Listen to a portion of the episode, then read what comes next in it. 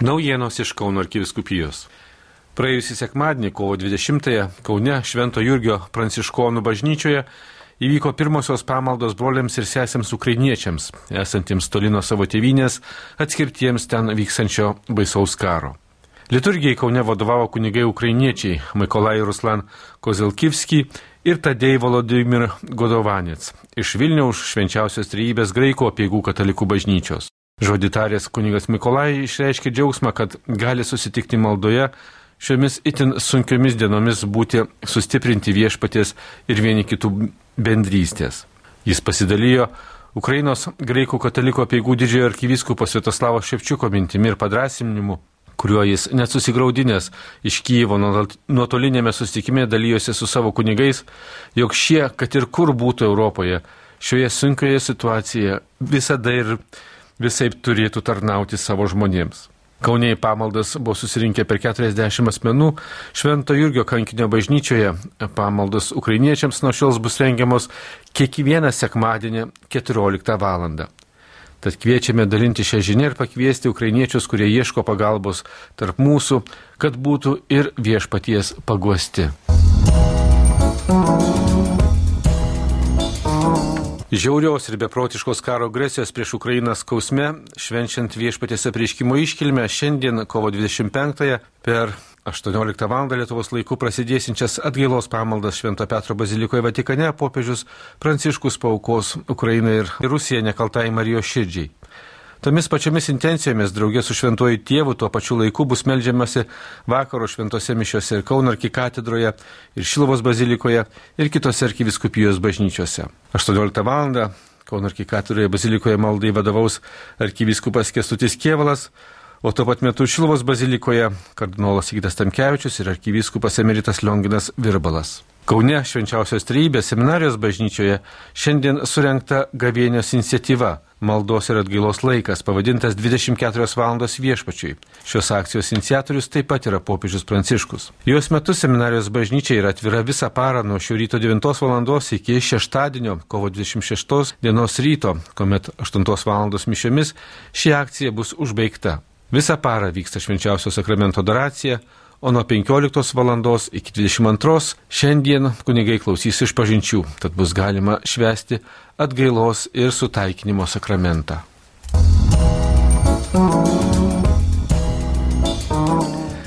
Šį vakarą Šilovos bazilikoje vyks ir ligonių dienos pamaldos su vidinio gydimo pamaldomis bei kunigais egzorcistais, tarnaus gėlestingumo versmės bendruomenė ir Šilovos parapijos maldos grupė. Be to, Šilovos piligrimų centre jau galima apžiūrėti Lietuvos katalikų bažnyčios kronikos 50-mečiui skirtą parodą. Joje siekiama parodyti kronikos ryšį su Šilova, kad ši Dievo motinos apsiriškimo vieta yra neatskiriama nuo laisvės žygio, kuris per kroniką Euharistijos bičiulių sąjūdį visai varžytas piligriminės eisenas atvedė į laisvą šiandieną. Atvedė užtariant Šilovos Dievo motinai, kurios pagalbos nepaliauta maldauti. Parodos atidarime kovo 13-ąją dalyvavo ir liudijo kronikos bendražygiai, redaktorius, nunai kardinolas Sigitas Tamkevičius, sesuo vienuolė Regina Teresiūtė, Petras Plumpas, sesuo Ginovaitė Navickaitė ir kiti. Pilvo šventovėje bei parodoje tą dieną apsilankė ir atidarime dalyvavo pirmoji šalies ponė Diena Nausėdienė, atvyko Lietuvos Respublikos kultūros ministras, viceministras Rimas Mikaitis, Raseinių rajono vadovai. Kronikos jubilėjaus proga visiems artinusiems laisvę sveikinimo žodį tarė ir dabartinis Kauno arkivyskupas Kestutis Kievalas, atkreipdamas dėmesį, jog tuo pačiu laisvės troškimu kaip kronikos herojai šiandien dega ir Ukrainos žmonės.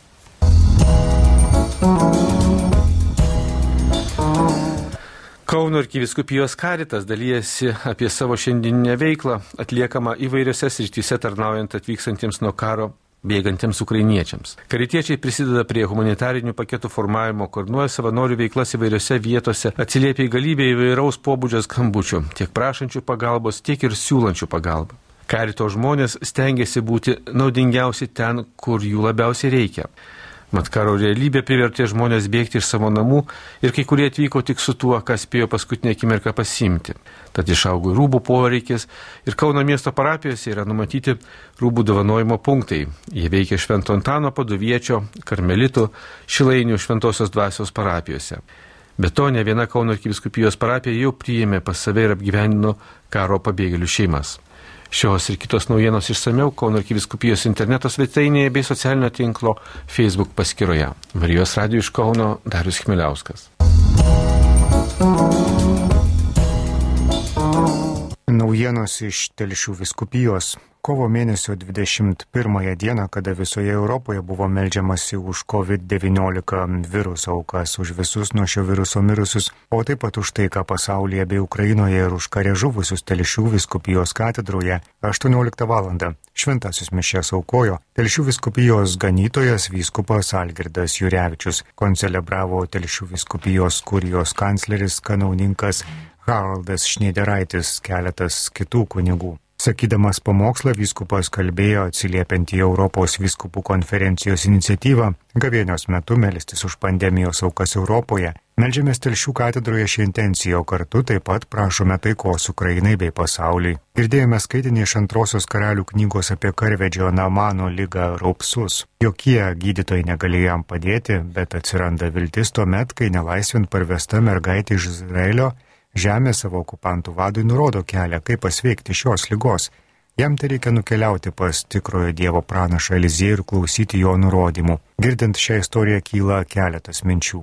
Klastinga ir pavojinga lyga naikina ne tik kūną, bet sukuria didžiulę atskirtį, kurią mes visi patyrėme tarp savo artimųjų turėdami sergančių COVID. -u. Svarbu laikytis drauge, palaikyti ir paguosti nerimo ir baimės apimtą žmogų, nepalikti jo vieno Dievas juk niekad nepalieka mūsų vienų, bet visuomet yra šalia mūsų. Antras dalykas, kurį regime pirmajame skaitinyje, tai meilė visiems žmonėms, o ypač priešams. Į nelaisvę paimta mergaitė netrokšta pagrobėjams mirties ar lygos, bet karo vadui Namanui nurodo kelią, kaip pasveikti iš tos baisios lygos. Kasdien girdime apie karo baisumus, širdyje kyla įvairių minčių agresoriaus atžvilgių, tačiau su tuo kovojame ir ieškome savyjėgų atleisti ir nepasiduoti kerštavimui. Trečias dalykas, kurį norėčiau šiandien pabrėžti, yra tai, kad jokie ginklai nepajėgus nužudyti vilties. Vilties šaltinis yra pats Dievas, kaip svarbu verštis prie Jėzaus per maldą, auką, skausmų, aukojimą už savo artimuosius. Mes veržėmės prie Jėzaus, kad galėtume jį paliesti, tačiau iš tiesų pats Jėzus mus paliečia per ligonių patepimą, per atgailą Euharistiją ir kitus sakramentus. Po šventųjų mišių ir vyskupo ganytojo palaiminimo Visi dalyvavusiai šventose mišiose už nuo viruso bei kare žuvusiuosius pasimeldė gėdodami viešpatės angelo maldą. Kovo 22-ąją Telšių vyskupo Vincento Borisevičiaus kunigų seminarijoje vyko kasmėnesinis Telšių viskupijos kunigų formacijos susirinkimas, kuriame dalyvavo ir viskupijos pastoracinių centrų vadovai bei savanoriai Jį bendrą maldą ir pasveikinimu pradėjo Telšių viskupijos ganytojas Algirdas Jurevičius. Jis taip pat pristatė svečius. Pranešėjus iš priešgaisrinės saugos tarnybos, atvykusius iš Klaipėdos apskrities, jie išsamei susirinkusiesiems pristatė bažnyčių parapijos namų apsaugos nuo gaisrų programą bei taisyklės. Buvo nagrinėjamos bendrosios gaisrinės saugos taisyklės, analizuojamos įvairios situacijos, atsakomai praktinius su šia tema susijusius klausimus. Bažnyčios ir kai kurie parapijai priklausantis pastatai dažnai yra kultūros paveldo valstybės saugomi objektai, todėl visų tokių pastatų ir ten saugomų vertybių apsauga nuo gaisrų yra itin svarbi. Būtinos priešgaisrinės sistemos ir signalizacijos, privažiavimas prie pastatų, tvarkingi vandens telkiniai šalia tokių pastatų.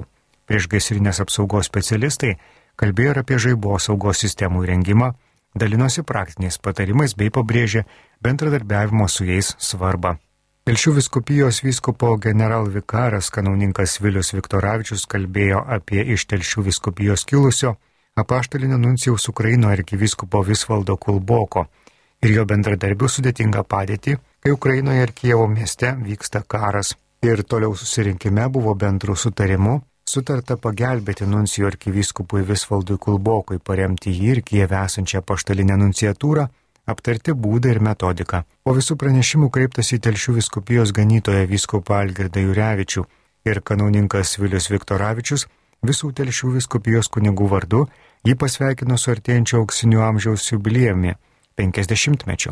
Sveikinimas nuskambėjo šiek tiek anksčiau, nes ganytojas gimęs 1972 kovo mėnesio 24 dieną. Jubilėjaus proga ganytojas sveikino Telšių viskupijos jaunimo katechetikos, šeimos karito pastoraciniai centrai, Telšių vyskupo Vincento Borisevičiaus kunigų seminarijos atstovai, Klaipėdos universiteto rektorius, vicerektorius, kiti atstovai, Klaipėdos jūrininkų ligonės direktorius profesorius Jonas Alyga, sveikinimus vainikavo skambus ilgiausių metų. Po visų sveikinimų padėko žodį tarė jubiliatas vyskupas Algirdas Jurevičius ir po baigiamosios bendros maldos ir palaiminimo visus šventės dalyvius pakvietė dar pabendravimui. Kaip informuoja kanauninkas teologijos licencijatas Andrėjus Sabaliauskas, kitas telšių viskupijos kunigų susirinkimas vyks didįjį ketvirtadienį 2022 balandžio mėnesio 14 dieną telšiuose. Informaciją parengė Andrėjus Sabaliauskas, perskaitė Andrius Sakalauskas.